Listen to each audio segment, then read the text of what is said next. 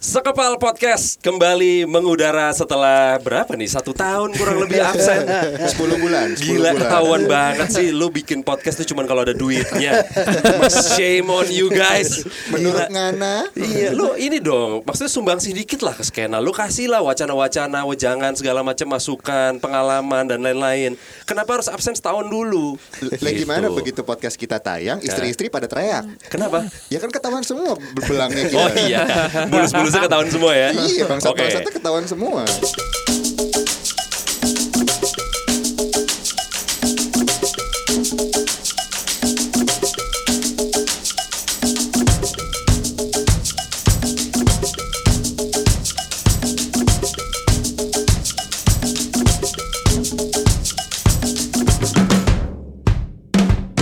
Jadi selamat datang teman-teman di Sekepal Podcast edisi spesial episode yang pertama dari eh, Sekepal Aspal Indonesia Moto Art Exhibition 2020 yang tahun ini karena Covid jadinya kita terpaksa terpaksa dalam tanda kutip adalah virtual edition. Iya. Jadi kita bikin Sekepal Aspal tahun ini beda sama sebelum-sebelumnya, adanya di website www.sekepalaspal.com dan salah satu kontennya adalah podcast, Sekepal Podcast. Nah, Iya. episode yang pertama kita bakalan langsung aja nih ya. Kita bakalan ngobrol sama salah satu teman kita. Eh, mungkin eh, teman-teman ini taunya teman kita ini sebagai pembalap. Tapi selain pembalap, dia juga playboy ternyata. Eh salah dong. Apa, apa? Kakaknya Mil ya. Oh iya. Hey. Kakaknya Mil ya. Bener, bener, bener. Anak sekarang yang dengerin kan? Iya. Iya, udah nggak tahu gue siapa. Iya, iya, iya. Kakaknya Mil ya. Mil. Udah ada jembatannya tiap generasi. Jadi dia kayak agak almost famous nih. Almost. Yang famousnya ya. Kita ada Rifat Sungkar. ya. Rifat Sungkar. Gimana nih Covid mempengaruhi kegiatan balap gak? Ya, seperti sekepal podcast, Hmm. lu akan bikin eh, event di apa eh, online. Online. Kita selama Covid kemarin cukup kreatif. Jadi gua sama adik gua sama teman-teman Hmm. bikin balapan itu juga online. Jadi kita bilangnya rally di rumah sama balap di rumah. Oke. Surprisingly, Hmm. surprisingly gokil ininya. Apa sambutannya tiga kali lebih gede daripada yang kita pikir. Oke. Oke. Terus surprisingly juga semua pembalap nggak ada yang menang lawan gamer. Jadi iya. di situ kita baru tahu bahwa kita ternyata biasa aja. Iya iya iya. Itu berarti lu beli eh, game di rumah, Iya. lu beli konsolnya, Iya. terus lu beli si kursinya untuk lu balap. Betul. Habis itu lu main online lawan orang-orang lain. Benar dan gua bikin dua rally di rumah itu pakai PlayStation, Hah? kalau balap di rumah pakai PC. Oke. Yang rally di rumah dan balap di rumah dua-duanya pas final kita siarin live di eh, YouTube. Oke. dan pakai enam orang komentator, terus habis itu ada race directornya, ada stewardnya. serius ya? Serius. Segitu seriusnya Berarti dan segitu kompetitifnya. Iya. Dan kebetulan juga kita coba juga dapat eh, rights dari si siapa namanya si Assetto Corsanya. Hah? Jadi siapa pun sponsor yang masuk, jadi semua mobil itu branding pakai sponsor. Oke. Jadi kayak balapan beneran gitu. Oke, Heeh. jadi secara digital lo tempelin sponsor di Iya. mobil lo gitu ya. Iya, Iya. Anjir mantap juga ya. Boleh, Iya sih boleh boleh. boleh boleh boleh. Nah kalau misalkan kita ngomongin olahraga yang lain, misalnya bola gitu. Bola kan sekarang udah mulai diperbolehkan gamenya, Iya. tapi nggak boleh ditonton. Penontonnya nggak ada. Iya kan? Itu di di dunia balapan begitu sama juga. persis sama persis jadi Aduh. baru ada apa baru ada eh, peraturannya yang datangnya dari FIA sama persis juga Hmm. jadi lu semua timnya segala macam boleh tapi ada special certain distance yang orang-orang nggak bisa nonton jadi ya Oke. gitulah lagi-lagi ya Iya. harus itu tonton virtual FIM Oh, juga balap udah mulai eh, pertengahan Juli Iya. tapi close door Close nggak door. ada Nggak ada yang nonton penonton nggak ada yang nonton Hmm. kemudian tim balap dan pembalapnya bergerak itu satu unit jadi eh, dari hotel Hah? Mereka cuman boleh satu satu kamar besar Hmm. eh, apa satu villa kayaknya.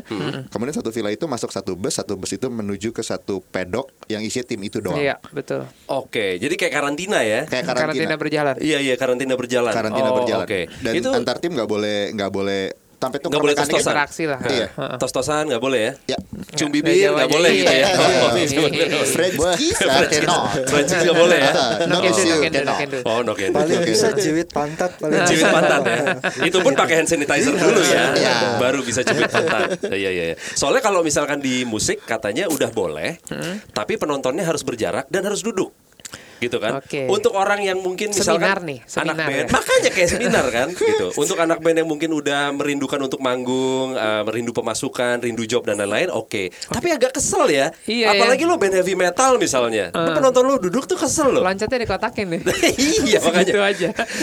Kalau gue mau datang gue pakai kursi roda, jadi gue duduk bisa. tapi bisa jalan. Tapi gue bisa jalan bisa sambil duduk. bisa willy iya, iya benar benar benar. Oke oke, kita ngobrolin nih masalah eh, sekarang yang namanya modifikasi sama legalisasi. Ya. Hmm. Ini adalah dua hal yang menurut gue kalau di skena motor dan juga mobil itu lagi jadi apa ya kayak semacam concern yang gede lah Betul. dari teman-teman yang Ya. eh, menikmati, dari teman-teman yang bikin, pengrajinnya, buildernya, sampai usernya segala macam semuanya gitu kan penikmatnya penikmatnya. Kalau yang gue tahu, Rifat ini salah satu orang yang sekarang nih lagi lumayan getol nih untuk nge-push yang namanya eh, salah satunya legalisasi. Betul. Kemarin sempat live juga di Instagram Iya. eh, dia sama Yumos Garage di Semarang. Benar. Ngebahas masalah mobil replika, modifikasi, kemudian juga eh, peraturan dan legalisasinya gitu. Persis. Kenapa mobil saya mobil balap karena memang lu pembalap gitu harus legal atau road legal inilah. Kenapa harus ada legalisasinya? Menurut gue sih karena gini loh peraturan di Indonesia itu tidak terlalu spesifik mengenai mobil itu apa kegunaannya. Karena Hmm. yang dibilang dalam kebutuhan khusus itu hanya masuk ke dalam eh, beberapa kategori. Salah satunya adalah mobil golf itu kebutuhan khusus, Hmm. mobil abri kebutuhan khusus, eh, maksudnya kepolisian dan juga angkatan darat, Hmm. sama mobil kedutaan. Ya, mobil balap itu tidak ada kategorinya. Jadi mereka menganggap bahwa mobil balap itu sama aja mobil biasa. Heeh. Mungkin juga karena cerita masa lalu setelah gua kasak kusuk kasak kusuk ternyata emang pernah ada luka masa lalu. Heeh. Jadi luka masa lalunya adalah zaman dulu mungkin ya karena power gede eh, orang tuh bisa masukin mobil lewat IMI dengan gampangnya. oke Tetapi ternyata mobil itu mobil balap bohongan. Hmm. Jadi mobil misalnya Evo gitu ya, Evo-nya dipasangin roll bar pakai baut terus udah selesai, pas mobilnya masuk udah roll barnya dicabut, mobil dijual dan nggak pernah balik. Padahal Hmm. itu peraturannya kan nggak gitu. Lu Ya. kalau masuk kan lu harus keluar lagi. Iya. Dan di tahun eh, kita juga tahu bahwa di tahun 77 kalau nggak salah itu adalah peraturan terakhir bahwa mobil second tuh boleh masuk ke Indonesia. Abis itu nggak boleh, mobil import juga nggak boleh. Mm-mm. Jadi memang jadi jadi kayak kucing-kucingan gitu loh. Aduh, oke mobil kedutaan boleh masuk jadi lewat yang kedutaan aja deh. Udahlah, ini semua orang juga tahu lah ya cerita-cerita kayak gini.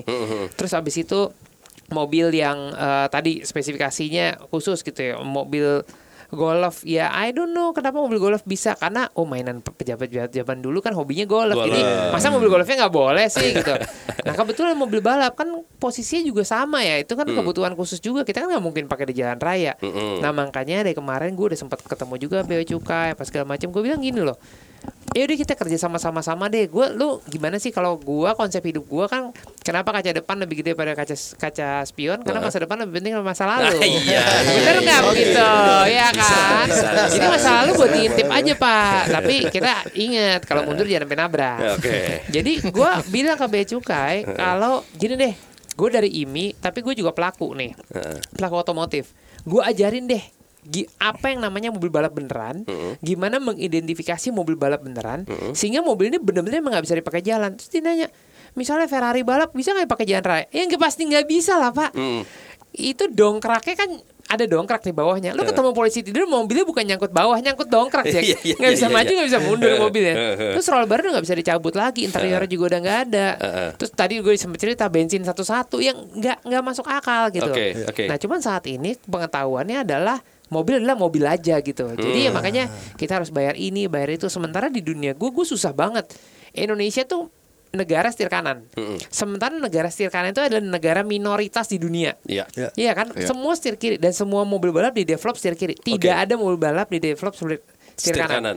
Gue ulang sekali lagi, bener-bener nggak ada mobil balap di develop setir kanan. Oke. Karena semua setir kiri. Mm-mm. Jadi misalnya nih, gua uh, by comparison, gua misalnya ITCC mobil 1500 cc Mm-mm. di Sentul gitu ya. Lu bangun dari mobil showroom pasangin roll bar sekedarnya balapan. di harga yang sama lu bisa beli M3 bekas di luar negeri bawa ke Indonesia misal kita harus bayar pajak ya udahlah ya nggak apa-apa tapi transfer teknologinya safety-nya speed-nya sama excitement-nya mobil balap beneran Betul. sekarang lu kesentul street nih Heeh.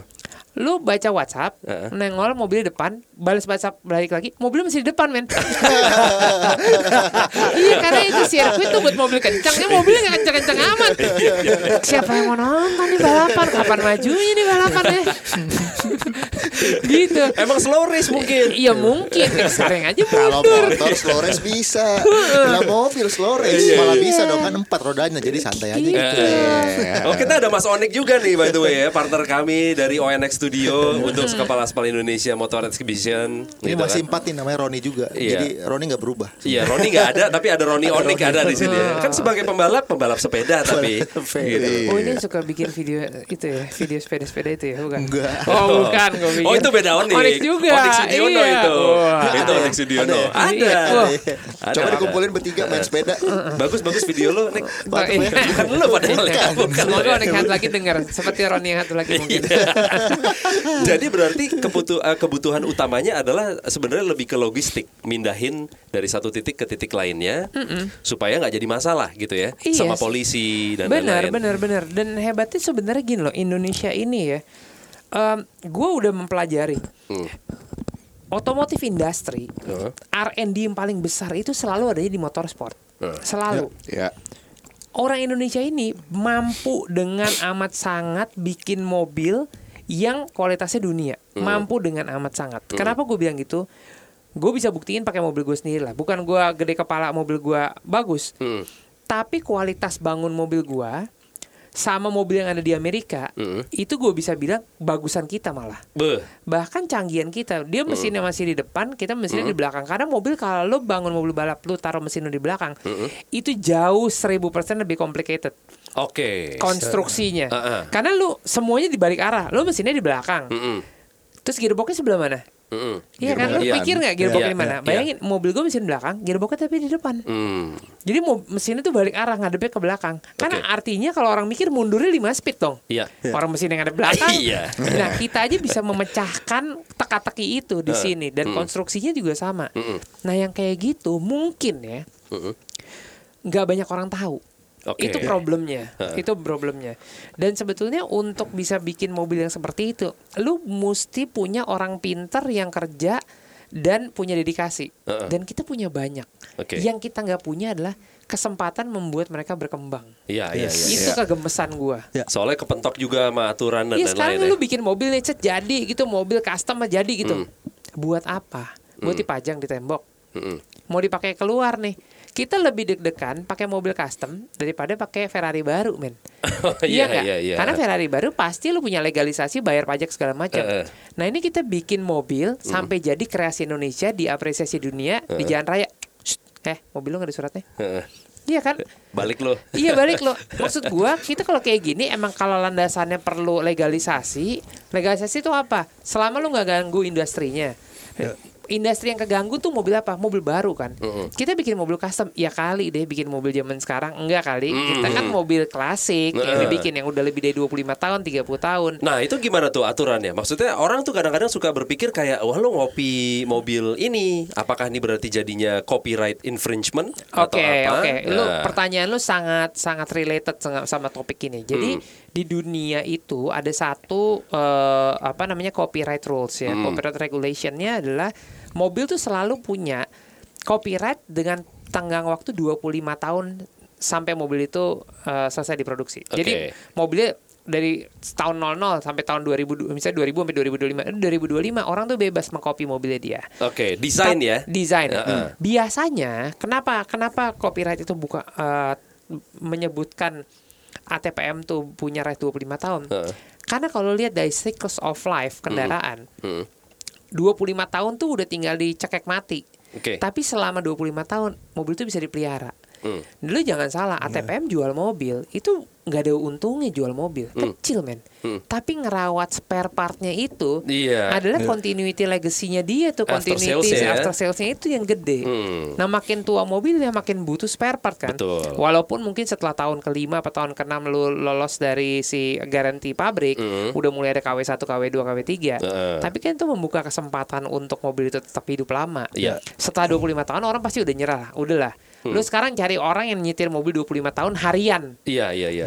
Nggak banyak one, lah. One in a thousand mungkin kalau gue Uh-uh, bilang. Apalagi di Jakarta ya. Iya, Ya iya. hampir nggak ada gitu loh. Jadi ya kalau ngomongin regulasi eh, ngelanggar hak cipta, ya hak cipta tuh ada sampai 25 tahun. Hmm. Cuman kalau sekarang 25 tahun dari tahun 2020 kan 95 ya. Hmm.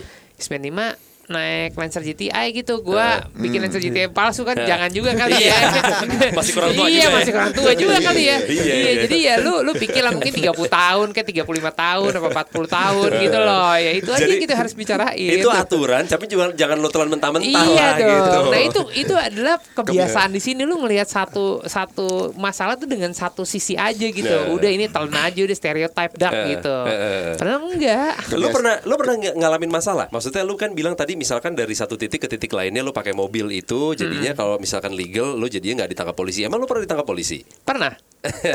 Pernah dengan amat sangat Ya. membawa mobil off-road gua. Jadi mobil off-road itu buat kalian semuanya yang juga dengar nih lo semuanya itu Eh. 90% dari mobil balap beneran itu sebetulnya tubular. Oke. Bodi itu cuman kulit.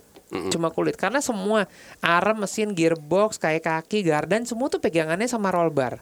Roll bar tembus sana tembus sini sebetulnya kalau lu kletek mobil tuh cuma roll bar doang. Oke. kulitnya cuma ceklek aja lu mau apa mobilnya mau Fiesta kayak lu mau mobilnya mau Pajero kayak mau apa nggak ada. Itu semua kulitnya aja. Heeh. dengan begitu gue ngebangun mobil berarti kan 90% badannya adalah pipa ya? Mm-mm. bener nggak? 90% badannya pipa. Mm-mm. Mesinnya dari mana? Mesinnya spesifikasi V8 dapat dari mana? Dari Amerika. Masuk ke Indonesia bayar pajak. Iya oke. Terus mesinnya taruh di belakang yang tadi gue cerita tuh. Udah kan jadi mobil terus gue tutupin body fiber. Ya karena memang harus ada bodinya kan. Udah jalanlah gue ke kalau nggak salah ke Medan apa Muara Bunga gue lupa. Diberhentiin polisi. Car carrier isinya 6 mobil. Hmm. tanya polisi itu suratnya mana? Gue bilang ini surat apa ya maksudnya apa gue Maksud kasih Bapak bon surat gue Yasin? beli pipa ya Surat Yasin. Nanti kalau gue bilang CV besi abadi 80 meter pipa besi dia nggak percaya juga kali ya. Jadi ya Padahal kayak ya gitu kan pipa. mesti padahal sebener-bener gitu. Masa gue harus bikin foto Pak ini mobil dari sini sampai sini menjadi gini. Bapak deh kasih saya solusi apaan? Eh, eh. Ya kan nggak mungkin juga gitu. Eh, Jadi eh. ya memang harus ada regulasi di mana mobil-mobil khusus ini memang diper- diperuntukkan untuk hal khusus di lokasi khusus. Heeh. Ya tapi selama perjalanan ya kita jangan dihambat gitu loh karena Ya. kan kita bukan bukan nyetir mobil curian. Tapi Iya. nggak bisa declare gitu kalau kita kan misalkan ke luar negeri gitu, bawa bawa barang kan, eh gue mau bawa ini nih, minta surat dulu gitu bahwa kita akan ke rally di mana gitu. Bisa juga, bisa. Cuma kan lagi-lagi kalau lu tanya surat, surat jalan gitu ya. Hmm. Oke, surat jalan. Nomor sasis? Ah, nomor Oh, gitu. sasis.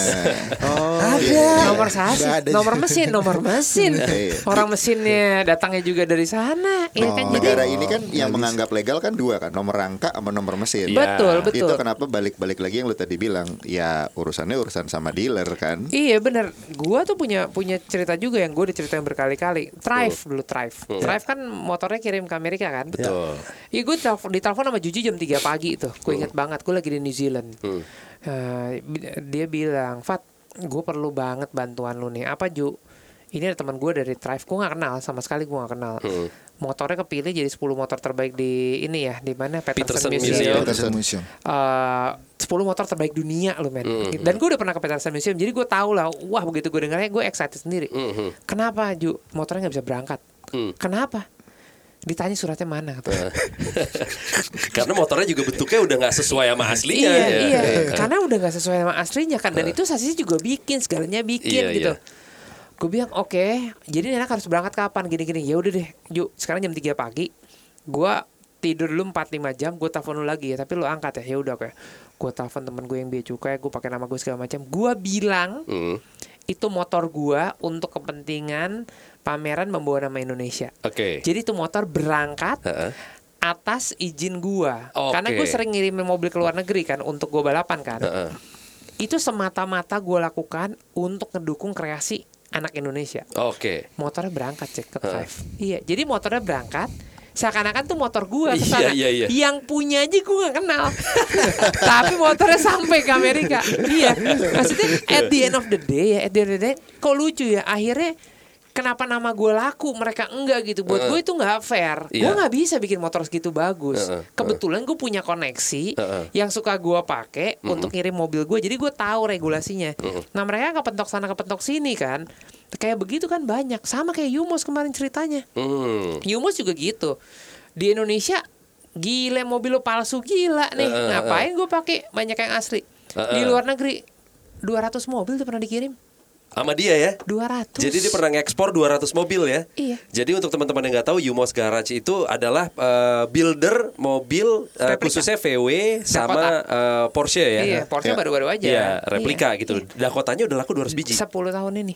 Anjir. 200 biji. Di sini dianggap sampah sama orang-orang. Uh, Mau ah. uh. bikinan lah nggak jelas ini.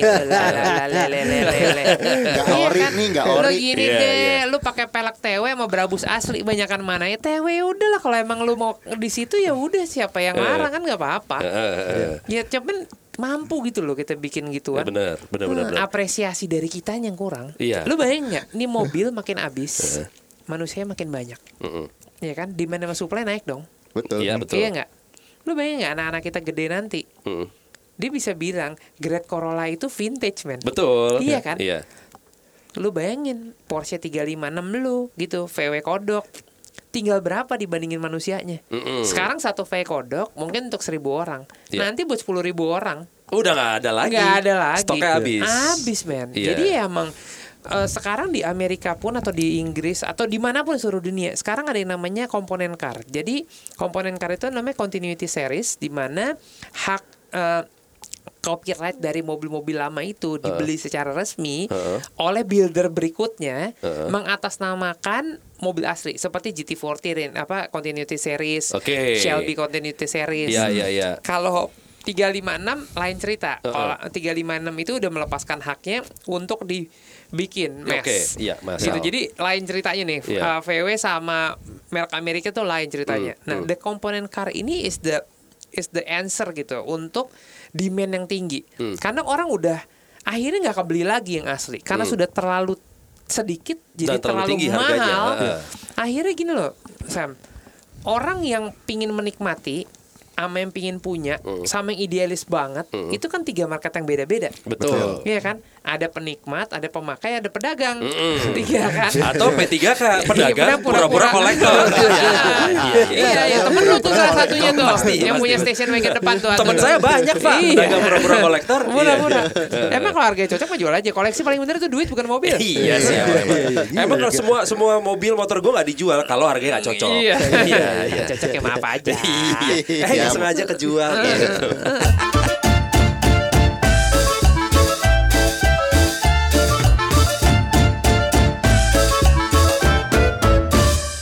Kalau di luar negeri ada contohnya nggak? Maksudnya mungkin kita belum ada regulasinya, belum ada kayak uji tipenya.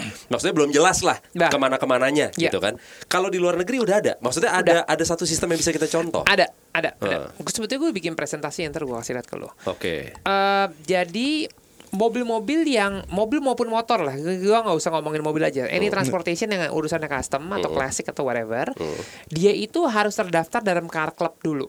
Oke. Car club tuh ibaratnya di Indonesia itu IMI-nya.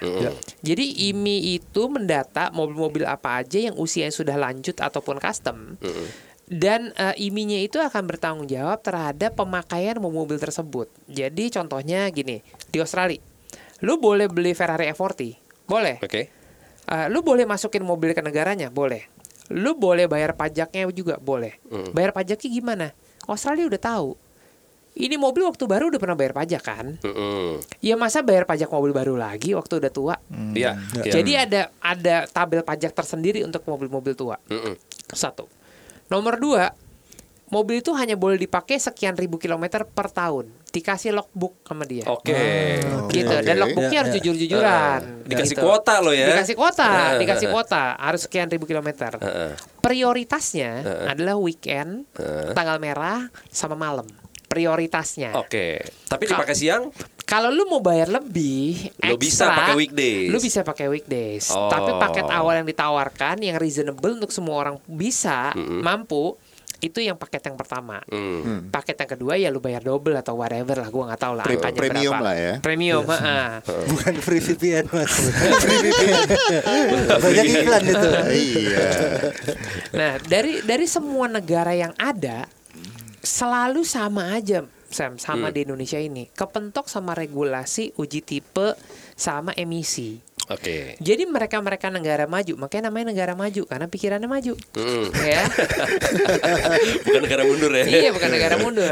Si negara maju ini udah punya satu regulasi. Oke, gini deh. Mobil lu tahun berapa? Hmm. Eh, 70. Oke. Emisinya waktu mobil tahun 70 berapa? Lu ikutin itu. Oke. Jadi lu nggak bisa, lu nggak bisa masukin Porsche tahun 75 emisi Euro 4, Euro 5. Ya. Belaga Iya. gila itu mah. Ya. Itu itu lah. itu apa ya? Kayak lu suruh pakai Simpoa gitu ya, alat ngitung, suruh lebih cepat daripada komputer Kalkulator. sekarang. Iya, nggak bisa, nggak bisa, nggak gitu pola Iya, iya. pikirnya. Jadi lu samain aja. At the end of the day, lu tau lah, satu tahun Indonesia itu jual 1,2 juta mobil, Hmm. 7 juta sampai 10 juta motor. Oke. Mobil retro ini berapa? Hmm, hmm. Kalaupun gue nyebut angka 10 ribu biji, Hmm. 10 ribu banding sejuta berapa? Iya masih jauh banget. Itu Jauh. sepuluh ribu ya. Sepuluh ribunya nggak nambah loh, Sam. Mm-mm. Sepuluh ribunya ngurang loh. Mm-mm. Karena kan pasti ada mobil yang kelar nih. Betul. Ya kan, nggak semua ingat semuanya, nggak semua batu emas. Jadi nggak semua mobil tua pun berharga. Iya, betul. Oke, Betul, jangan. betul, betul. Pedagang-pedagang tolong ya jangan digoreng ya, ya kan, tolong ya. Ya nggak mahal dimahal-mahalin ya. iya, loh. Sekarang gila loh zaman kita SMA nih ngelihat mobil udah pasti harus dua pintu. Zaman kita umur 30-an harus dua pintu. Sekarang empat pintu tua aja ada harganya Iya, ya nggak? benar, benar, benar. Karena demand supply, balik lagi Iya. ke demand supply Iya. itu. Hmm. Jadi dari regulasi yang ada itu juga mungkin bisa gini loh. Lu bisa mengapresiasi mobil tua atau motor tua atau custom itu sebagai karya seni. Lu nggak bisa bilang ini sebagai alat transportasi. Hmm. Tadi gue sempat menganalogikan lukisan tuh kenapa mahal? Hmm, Berapa ongkos bikin lukisan? Hmm. Nggak ada ongkosnya, tapi siapa yang bikin? Betul. Iya kan. Nah, ini mau mobil tua ini kenapa juga jadi jadi hot gitu ya? Heeh. Karena nggak nggak jauh dari cerita lukisan.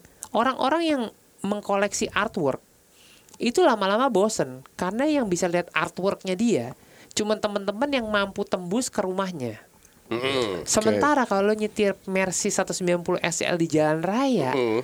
Dia menikmati artnya, nikmatin anginnya sama apresiasi dari semua orang. Hmm. Lo bangga nggak coba bilang, Hmm. gue nih sekarang naik 356 gue ke mana aja? Gue bukan mau mamer men, Hmm. gue cuma mau ngasih tahu. Lo tau nggak nih mobil gue? Dibikin di Surabaya bukan di Jerman. Iya. Segini bagusnya, Iya iya iya iya. gitu. Jadi gue juga gue harus kasih apresiasi balik ke orang bukan gue bilang eh gue punya Porsche 356 ya enggak enggak gitu message gue message-nya adalah lo lihat kalau lo mau Indonesia nih yang bikin Hmm. zaman dulu aja Candi Borobudur jadi masa Porsche kagak jadi ya nggak? Itu dia. Batu ya sama plat doang beda ya. iya Batu aja jadi bagi plat di doang. Borobudur PBB-nya juga Iya, mungkin makanya nggak jelas ya. PBB. PBB-nya kenapa nggak dirumusin? Takut kesurupan. Iya. Soalnya bukan masalah gimana apa-apa. nih, ini gede banget. Iya, kayak mau potong beringin mikir dua kali. Wah, Waduh. cuman semalam doang. Ini ngurus IMB-nya dua minggu nih. Iya. Jadi. Iya. Bilang, Kamu bisa nggak semalam gitu? Bisa pak, tapi dua minggu tambah nambah IMB belum belum turun nih.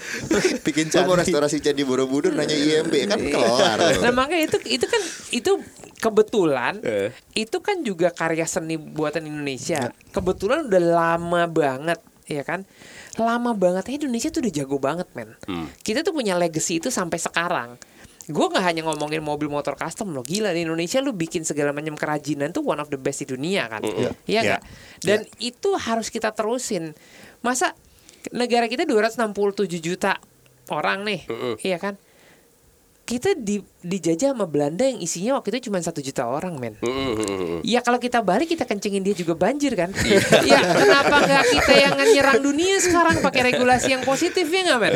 Udah waktunya kita kalau dijumlahin se Asia nih dijumlahin kalau dolar Cina nih, negara kita dijumlahin se Asia cuma negara kita doang Iya hasilnya kan? iya iya iya. Iya malah kita kayak dikerdilin sama regulasi yang belum bisa membuat kita gede, Heeh. gitu. Dari Itu kita sendiri lagi Iya. regulasinya. Iya. Itu sih Iya, emang re- regulasi itu emang selalu jadi kendala apa kalau di apa kayak di otomotif lah yang kayak gue tahu misalnya motor mobil gitu itu jadi kendala banget emang kayak yang lu tidak bisa tidak bisa banyak hal lah. Tidak Sebenarnya bisa banyak hal. Dengan potensi industrinya sendiri sebenarnya kayak yang tadi Riva cerita gitu gue sempet dengar cerita dari ada temennya anak-anak si Bone dia kan balapan juga. Dia cerita gitu ini kalau cuman rangka-rangka buat drag race gitu yang pipa-pipa itu aluminium bikin Indonesia tuh udah banyak yang dipakai dikirim ke Malaysia ke Thailand. Iya, menang semua Iya. men. Ya kebetulan kan bapak gue bikin drag bike ya. Ya bener cerita dia, seribu persen bener. Rangka-rangka kita sih, juara-juara Thailand itu rangkanya Indonesia. Oh, gila. Gila, ya, makanya gitu. Mereka terhambat, nggak bisa ngapa-ngapa, nggak bisa misalkan lebih besar atau mereka karena regulasinya ya kayak gitu gitu loh. Terhambat regulasi sih akhirnya. Iya. Oh. Ya, nih ada satu yang gue belum ceritain. Jadi Sam, yang paling penting tuh gini loh sebetulnya pola pikirnya. Pola pikirnya adalah ini tuh semba- sumber pendapatan baru negara. Lu dengan memajukan industri custom atau klasik, berarti lu membuka lapangan kerja yang cukup banyak. Karena Betul. orang akan punya PD, gue mau bangun mobil tua gue. Karena gue pasti bisa pakai jalan. Kalau gue bisa pakai jalan, berarti kan harus ada pajak yang gue bayar dong, Iya, STNK, betul. BPKB Iya, lah. tiap tahun ada segala perpanjangan. Ha. Kalau mobil gue toh bikin, Mm.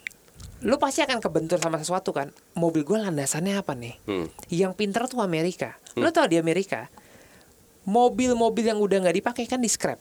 Iya. Ekosistem itu kita nggak punya. Iya kan? Lu buang mobilnya udah that's it. Mm-mm. Kalau di Amerika, begitu lu scrap mobil lu, BPKB-nya diambil. Mm-mm. Iya kan? BPKB waktu lu dapet itu apa coba? Itu barang adalah tiket. Mm-mm. Lu bayar pajak. Tiket kan? Gue bayar SNK gue. Oke, BPKB-nya ada, SNK-nya ada. Oke, itu berarti tiket lu boleh bayar pajak.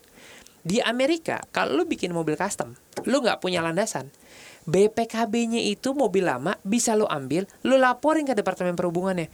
Gua pakai BPKB A12345 yang tadinya Toyota Camry, Hmm. sekarang gue bikin hot rod tahun 32, Mm-mm. mesinnya 8000 cc gitu. Heeh. Tolong diganti sesuaiin dengan pajaknya. Heeh. Nomor BPKB A12345 akan jadi Mobil yang baru mobil itu. baru itu Mm. dengan pajak. Oke. Jadi lu nggak ganggu industri otomotif Indonesia yang udah baru ini mungkin kan lu nerbitin BPKB susah setengah mati kan? Mm, mm, mm. ya udah lu datang aja ke departemen perhubungannya sama kepolisian dan segala macam lu nah itu tugas iminya nanti. Mm, mm. lu bawa nomor BPKB lu laku kan? Jadi kayak uh, apa namanya recycle BPKB Oke. jadi tiketnya itu bisa dari mana aja tapi lu jangan bohong sama mobil baru lu.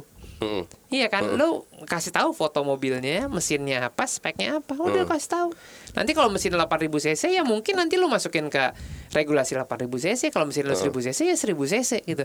But at least lu punya pegangan tiket untuk bayarin pajak ke negara kita. Iya, iya, iya. Keren gak tuh? Iya. Iya, Itu masukan yang keren. Boleh tuh, boleh, boleh. Iya. Harusnya, harusnya. ya. Iya. Tokopedia BPKB bekas A-nya Tokopedia. dia nih. BPKB nih, BPKB nih. Itu dia. Bentar lagi.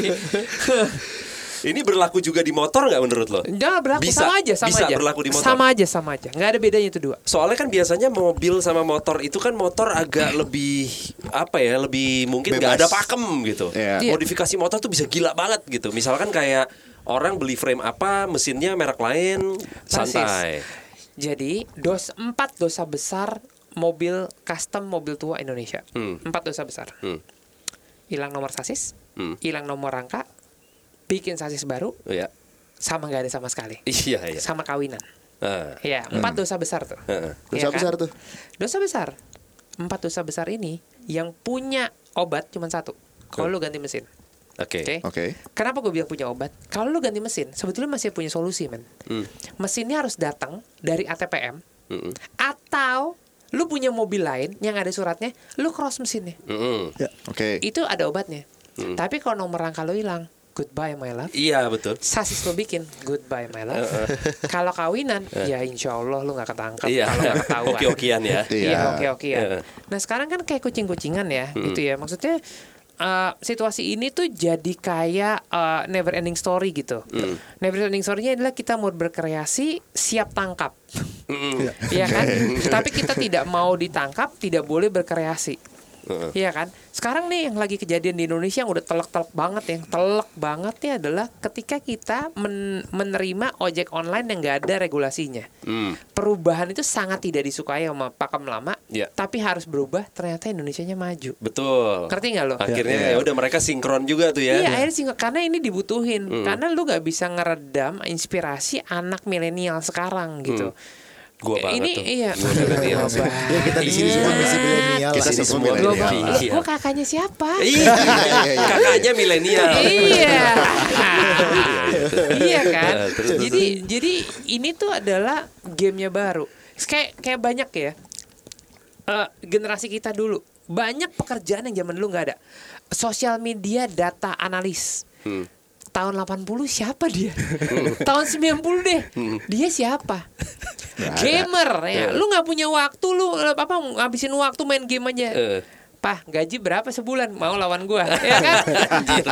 Banyakan gua gamer, ya kan? Jadi tuh banyak perubahan yang terjadi di dunia ini nih, men. Eh. Jangan sampai perubahan lebih cepat daripada regulasinya. Hmm. Itu selalu tuh. Jadi kita kayak mau lari, tapi buntutnya dipegang, men. Hmm. Jadi selamanya lu di sini-sini aja. Hmm. Padahal kita bisa jauh jauh maju ke depan. Oke.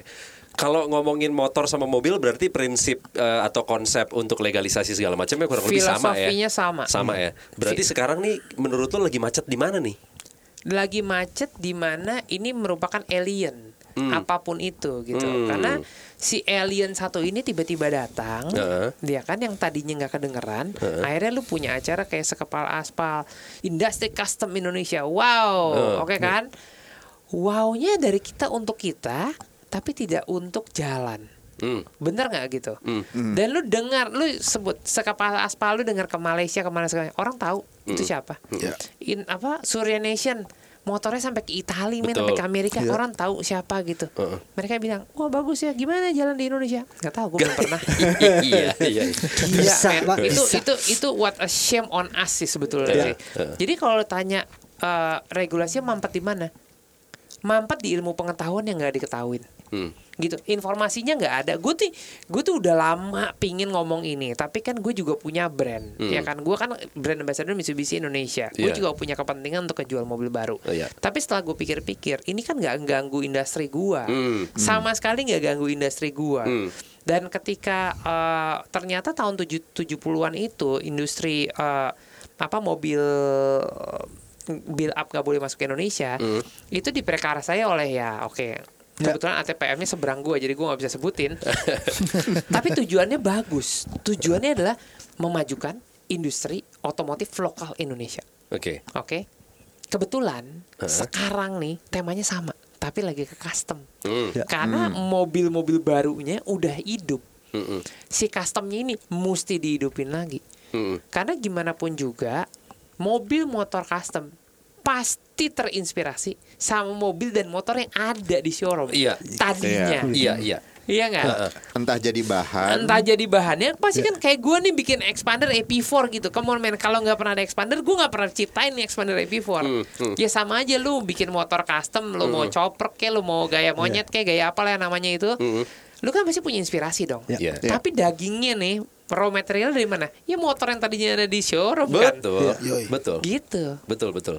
Jadi emang eh, harusnya bukannya musuhan justru malah berteman ya. justru rangkulan harusnya menurut gua Beberapa merek kan ada yang mungkin aimnya memang untuk jadi motor bahan sebetulnya kan. Iya Betul. W175 lah Iya, kira-kira misalkan lah gitu ada Estrella misalkan, ada mungkin Honda apa gitu atau apa banyak sih sebetulnya. iya Motor-motor yang lain Iya. juga banyak yang udah masuk kan kayak misalkan motor-motor Eropa gitu kayak ya BMW, Royal Enfield mungkin secara desain kan Iya. dia masih di Inggris kan kayaknya. iya iya Tapi balik lagi sih mungkin eh, faktor ketidaktahuan ya. Mungkin gua ngerti lah ya. Mungkin eh, dari pihak eh, apa pun itu apakah si dealernya atau apa faktor ketidaktahuan eh, tentang apa yang sedang berkembang di scene otomotifnya sendiri gitu.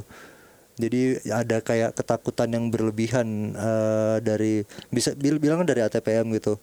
Dia sangat ketakutan marketnya akan termakan sama misalkan motor-motor tua yang diimpor ilegal lah. Ah. Maksudnya sampai ada dia keributan-keributan yang nggak perlu sebenarnya. Jadi padahal, padahal kalau dihitung sih kayaknya Nggak nggak market lu banyak. tuh nggak ke situ loh. Lu sudah punya market Iya, sendiri, motor-motor baru yang senang dengan barang lu.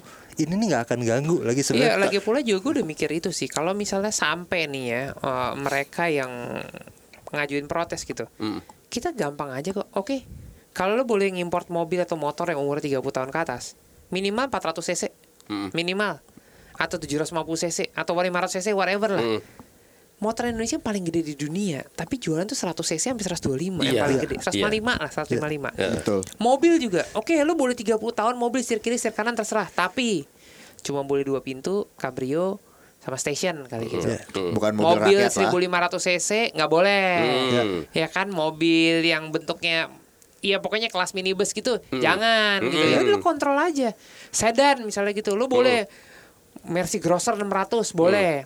Tapi lu jangan kirim sedan 2000 cc ya. Iya, Iya dong, Iya. ATPM jualan nih, gitu. Ya lu spesifik aja, nggak apa-apa. lu. Bener bisa di, di- bi- bisa diatur begitu Karena aja ya, ada, disortir ya. Ada di mana di mana kurvanya itu nggak ketemu, men. Lu bisa main di game yang mereka nggak main. Iya.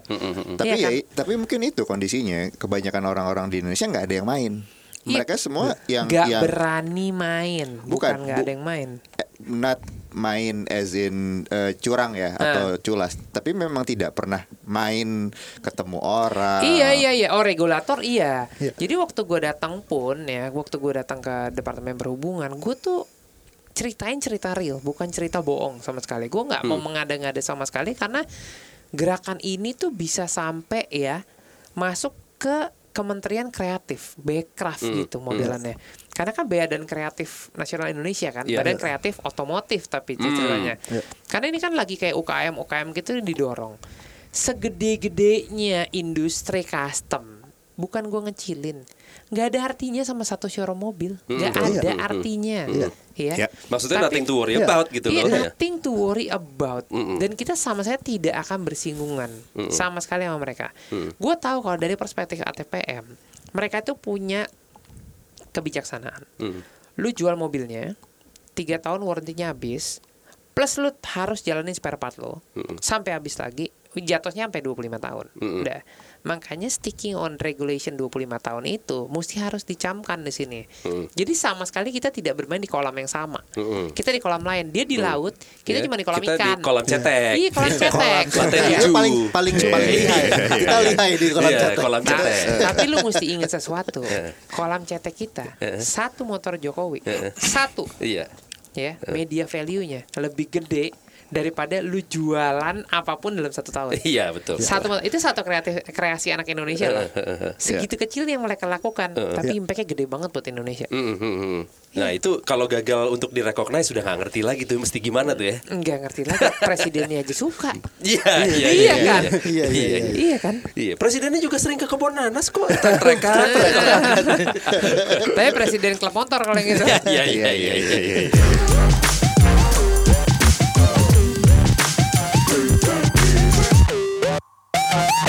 Tapi itu sih kayak eh, dari pengalaman gue kebetulan pernah di ATPM salah satu motor Amerika lah. Triseda. Ya, Atau. Mahathor. Mahathor maksud Karena lo. kalau eh, Garuda, dipikir Garuda. lagi Oh, Garuda. Kalau dirunut dari tahun produksi gitu. eh iya dia ketakutan bahwa ini akan mengcapture marketnya dia tapi kalau dia tidak menyadari market si itu maintenance parts kayak gitu-gitunya gitu kayak misal bilanglah tipe keluaran tahun 90-an pertengahan motor tahun 95 sembilan- itu partsnya masih ada. Dari dari dari si authorized dealer pun waktu itu masih ada partsnya. Heeh. dia kayak merem tuh dikit-dikit doang. Ah udahlah ini mah nggak usah di- gua mau masukin parts buat motor-motor baru yang customer gua nih. Betul. padahal it- ini ini market loh. Ini gila market. Iya. ini yang sudah puluhan tahun main motor V-twin ini dia kan butuh parts nih Iya. dan masih produksi di sananya kenapa nggak lu masukin gitu kan Iya. konyol gitu loh menurut gue. Dan akhirnya semua Tapi orang memang- mengandalkan mengandalkan kepada para Importir. pemain. Iya. Importir. Iya iya. Importir Itu sih itu ada. Gue pernah nanya juga tuh. Kalau jawabannya adalah memberikan kesempatan untuk uh, second market, Secondary market. secondary market. Iya, memberikan kesempatan itu. Cuman kita kalau bawa brand ya, bawa motor brandnya benar dia bilang. Lo kan tetap mengandalkan si ATPM-nya dong untuk ini. Ya sekarang gampangnya gini deh, gampangnya. Kemarin kejadian Mercy temen gue Arya, S kelas kaca depannya pecah. S kelas KTT. Oke. Datang ke Mercy. Heeh. Ya lu mesti nunggu tiga bulan buat datengin kacanya Ya ada bisa. Iya, bisa. Bisa. Heeh. Tapi segitu lamanya. Heeh. Jadi lu kadang-kadang lu kalau udah tahu lu ada di industri custom. Ya lu mesti cari cara lah gitu untuk dapetin barangnya nggak rely on the original brand Iya, gitu iya. loh. Heeh. Secepat mungkin ya sebisanya gitu ya lo datengin Secepat ya. mungkin dan sebisanya. Iya iya iya. Bukan Iya berarti nggak bisa bayar loh. Iya, bisa. Bisa bayar kita. Orang willing tuh. Gue tadi malam baru nonton di YouTube ya. Ada orang bikin mobil custom harganya 1,2 juta dolar. Pas Hmm. dijual harganya 200 ribu. Apakah worth it untuk bikin mobil 1,2 juta dolar dijual 200 dolar? Hmm. Kalau ngomongin worth it enggak. Hmm. Tapi kalau ngomongin kepuasan pribadi, men. Itu mobil dia yang bikin dan hanya dia yang punya. Value-nya lebih Mm-mm. dari segalanya. Lu bikin mobil motor custom lu lah gitu, habis 500 juta gitu. Mm-mm. Pas dijual 300. Orang lain pasti bilang, "Goblok banget lu ya." Mm-mm. Tapi lu bilang, "Gila. Karya gue laku 300 juta loh." Eh, gitu. eh, Gue build from scratch loh. eh. 200 jutanya apa? Kepuasan lu lah. Mm. Iya, 200 juta kepuasan yang orang pasti nggak bakal dapetin. Jadi jangan nilai itu semata-mata selalu dengan mobil tua nih, motor custom nih. Wah, mahal nih duitnya gitu. Iya bener, we, we are willing to spend gitu. With reasonable number. Tapi yang lu bisa nikmatin ini value-nya di luar value uang. Mm-mm. Iya. Itu yang mahal sih menurut gue. Mm. Temen gue satu pernah ngasih tau ke gue ini sangat amat benar. Eh. Gue gak suka sama kata-kata dia, tapi ini sangat amat benar. Eh. Fat, kita tuh manusia, cuma dititipin. Hmm. Masalah dititipinnya sejam atau 100 tahun, Eh. itu masalah waktu katanya. Iya. Iya iya. Lu sekarang gini, lu bisa ketemu sama orang, eh mobil gue nggak bakal gue jual nih nih dari kakek gue turun ke sini sini sini sini ya taruh Eh. deh, CJ 7 lah gitu. Eh. Ya.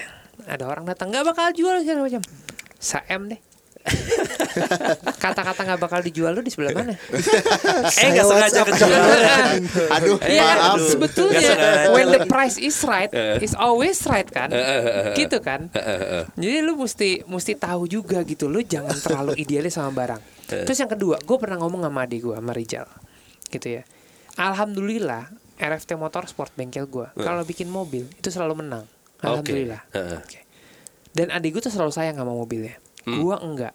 Yang Rijal Lu nggak sayang sama Menang. mobilnya apa nggak sayang sama ade lo? saya sama mobilnya.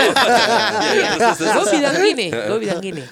Ini mobil menang. Hmm. Lu kalau nyetrika pas lagi panas, jangan lagi dingin. Eh. Ini mobil menang, jual. Oke. Ya. Lu nggak butuh mobilnya. Lu butuh reputasi mobil itu pernah ngapain buat hidup lu. Benar. Iya, benar. iya. Dan kita bisa bikin lagi mobil kayak gitu. Heeh. Nah, social impact-nya adalah ketika mobil juara itu banyak di mana-mana, Heeh. Motor sportnya jadi maju, men. Benar. Karena Iya, orang dapetin betul, mobil betul, betul. bagus. Benar. Iya. Nah Benar. gitu begitu kita punya mobil klasik ya mobil klasik terus abis itu diapresiasi orang kita bisa jual nih Ya. ya, kita bisa jual lu satu sisi satu menit pertama lu akan senang sekali dengan uang yang lu terima Iya. tapi impact berikutnya adalah ketika mobil ini parkirnya bukan di rumah lo di rumah orang lain Mm-mm. orang lain ini kan berarti orang mampu dong Mm. ya? Si orang mampu pasti punya social responsibility ke banyak orang Mm-mm. dan ketika dia punya barang itu orang yang mengagumi lebih banyak lagi Mm-mm. Mm. misalnya anak buahnya datang pak mobilnya bagus banget ya ya udah deh itu misalnya Mercy Pagoda gue punya Tiger ah mirip miripin nah kayak gitu terus Tigernya jadi bagus terus nanti turun lagi Mercy Mini yang gak ada harganya jadi bagus Iya. ntar jadi Cibo yang gak ada harganya jadi bagus ya kan karena lu punya bisa dibilang nih KOL-nya lah gitu Iya, ya kan. KOL-nya nih Influencer ya. influencer nih Iya kan lu jadi jadi lu punya kiblat gitu gue mau ke situ gitu arahnya Iya. Nah, tapi kalau lu keep sendiri ya udah lu, lu jadi gede buat lu sendiri gitu loh Iya iya. Jadi iya. lu nggak kasih lu kalau di dunia gue ya nggak semua champion tuh legend men Oke. Legend itu yang bisa menginspirasi orang berikutnya. Hmm. gitu kan? Lu banyak Betul. banget lah nggak tahu juara dunia namanya siapa. Ya. lu pikir Michael Schumacher paling jago? Enggak masih banyak yang lebih jago. Mm. tapi dia itu jadi role model jadi inspirasi. Heeh. Valentino Rossi menang kalah tetap dia menang di mata orang-orang. Karena dia inspirasi orang banyak. Iya iya iya. gitu. Gua kakaknya Mile ya? Iya. Gak usah ngomongin balapan udah lewat. Balapan. Iya, iya, iya, iya. Tapi kalau gua tadi yang lo bilang mobil itu harus keluar gitu ya. Kebayang kayak gua dulu pernah motretin salah satu kolektor mobil gitu. Mobil banyak banget. Lo mau tretin kolektornya apa mobilnya? istri kolektornya kan nggak itu mobilnya banyak banget dan banyak kan tuh digantung Iya. Eh, kemudian nah itu kalau lu bilang dia harus pakai keluar gitu Iya. itu ada 45 mobil itu gimana makainya ya? dan eh, dan mereka bilang aduh gue kalau pakai yang ini tuh susah banget. Sebulan sekali tuh kayak mereka harus ngerolling gitu loh. Iya, betul. ngerolling gitu. Tapi dipakai? Enggak kata terus gue bilang om ini gimana cara lu nunjukin? Ya sekarang akhirnya banyak yang minjem. Jadi kayak koleganya minjem dong gini gini akhirnya keluar gara-gara itu. Tapi eh, menurut gua yang tadi lu bilang mobil ini harus merepresent si orangnya itu jadi ya susah juga ya. Iya. kalau mobilnya banyak Temen banget gue, tuh. gue, gue ngobrol kayak gitu. Eh, lu tuh cocoknya lo, lu beli 911 lah tahun 80-an keren. Ya, Fat, susah nyarinya. Lu mau nomor telepon dealer Pajero, lu telepon tuh beli Pajero besok ada. Ya iyalah lu mesti cari yang susah lah, masa Iya. lu cari yang ada, lu beli Pajero. Besok juga ada, bisa kasih diskon bisa deh.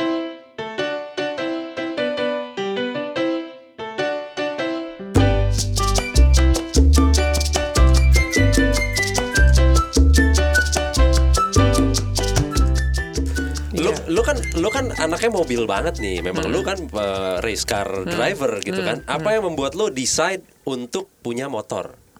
Hmm, Nah. gue decide gini. Basically gue suka suka otomotif, Eh, basically. eh.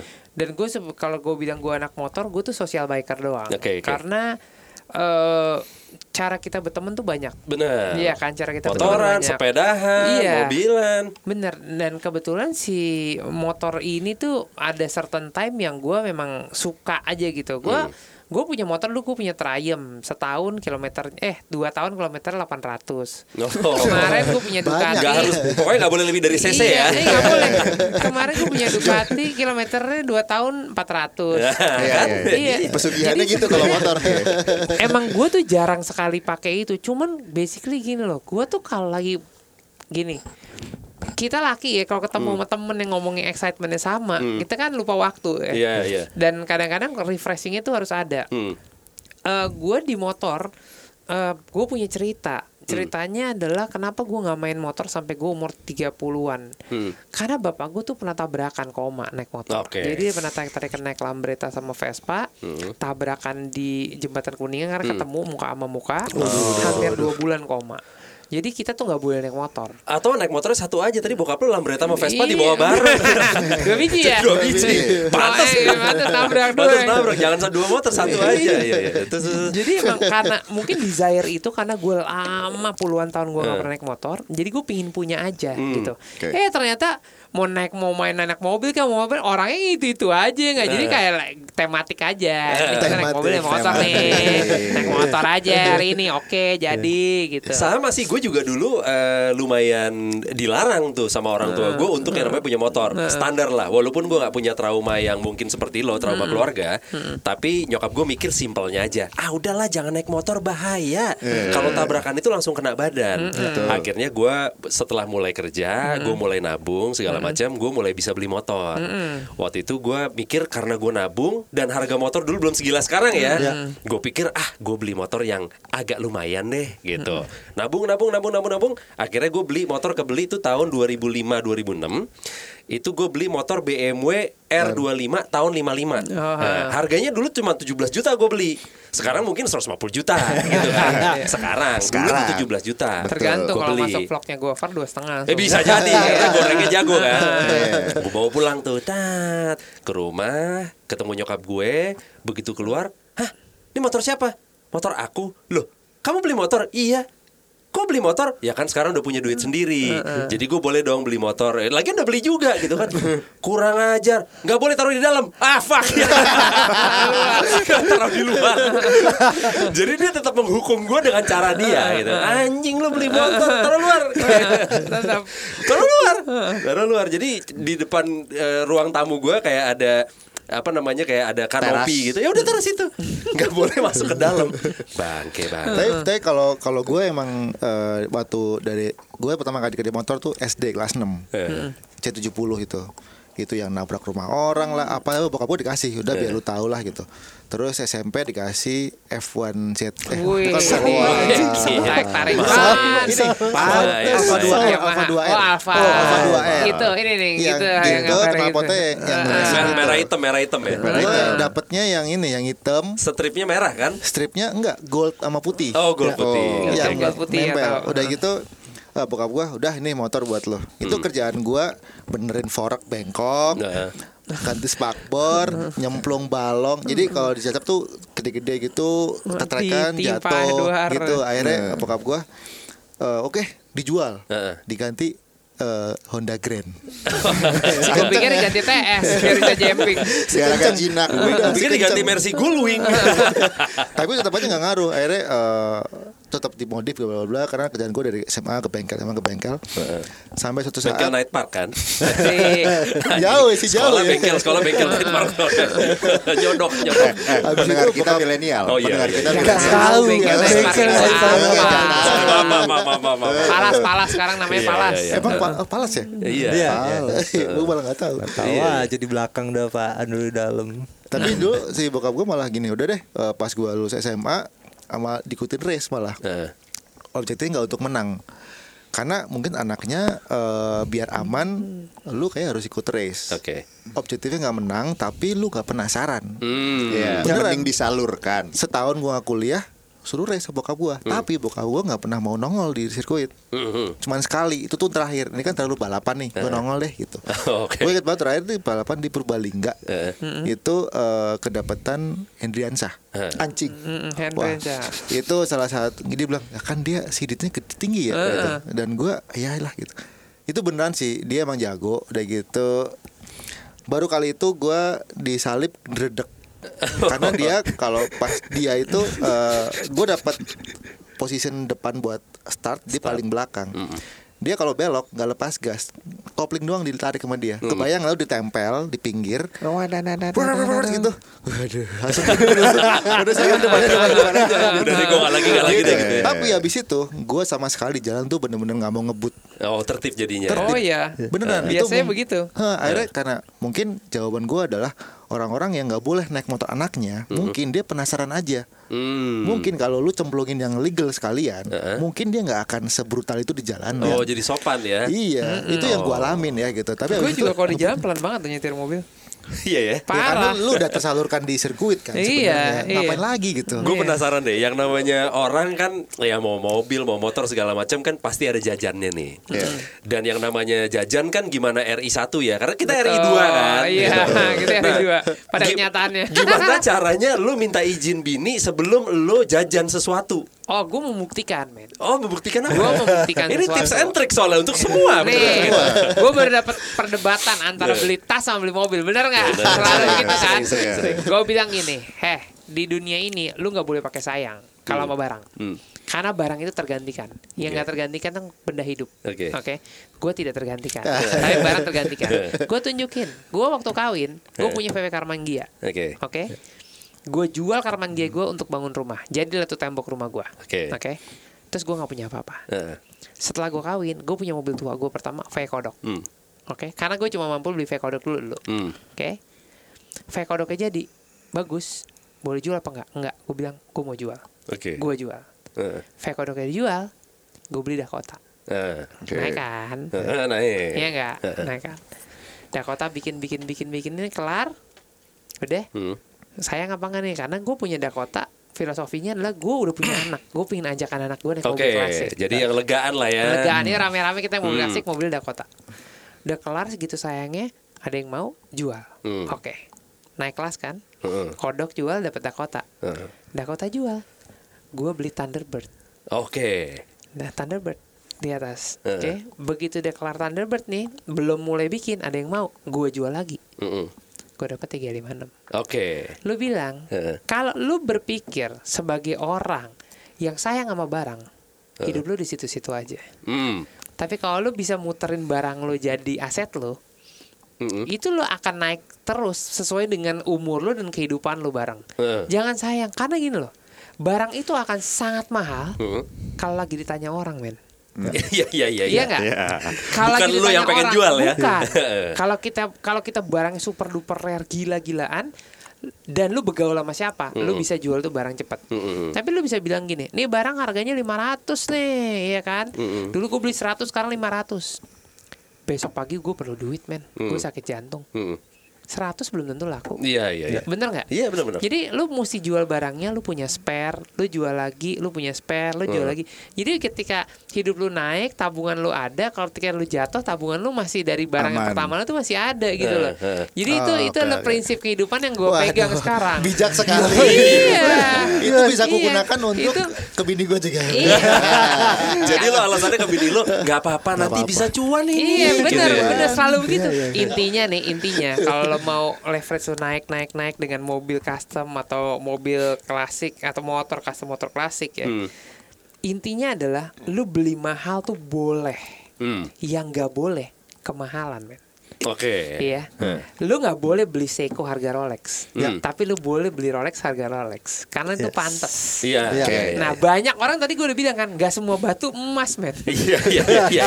Iya kan? pilih-pilih juga. Iya pilih-pilih juga Iya kan Jadi lu juga sebagai pembeli atau pedagang Lu juga mesti tahu Jangan Wikipedia doang patokan lu Ya kan Karena kan ini kan Kita kan berjaya di udara Tapi lebih gokil di lantai dansa ya kan Lu boleh ada di dunia maya Lu boleh jago Tapi dunia kenyataannya Lu mesti jago juga dong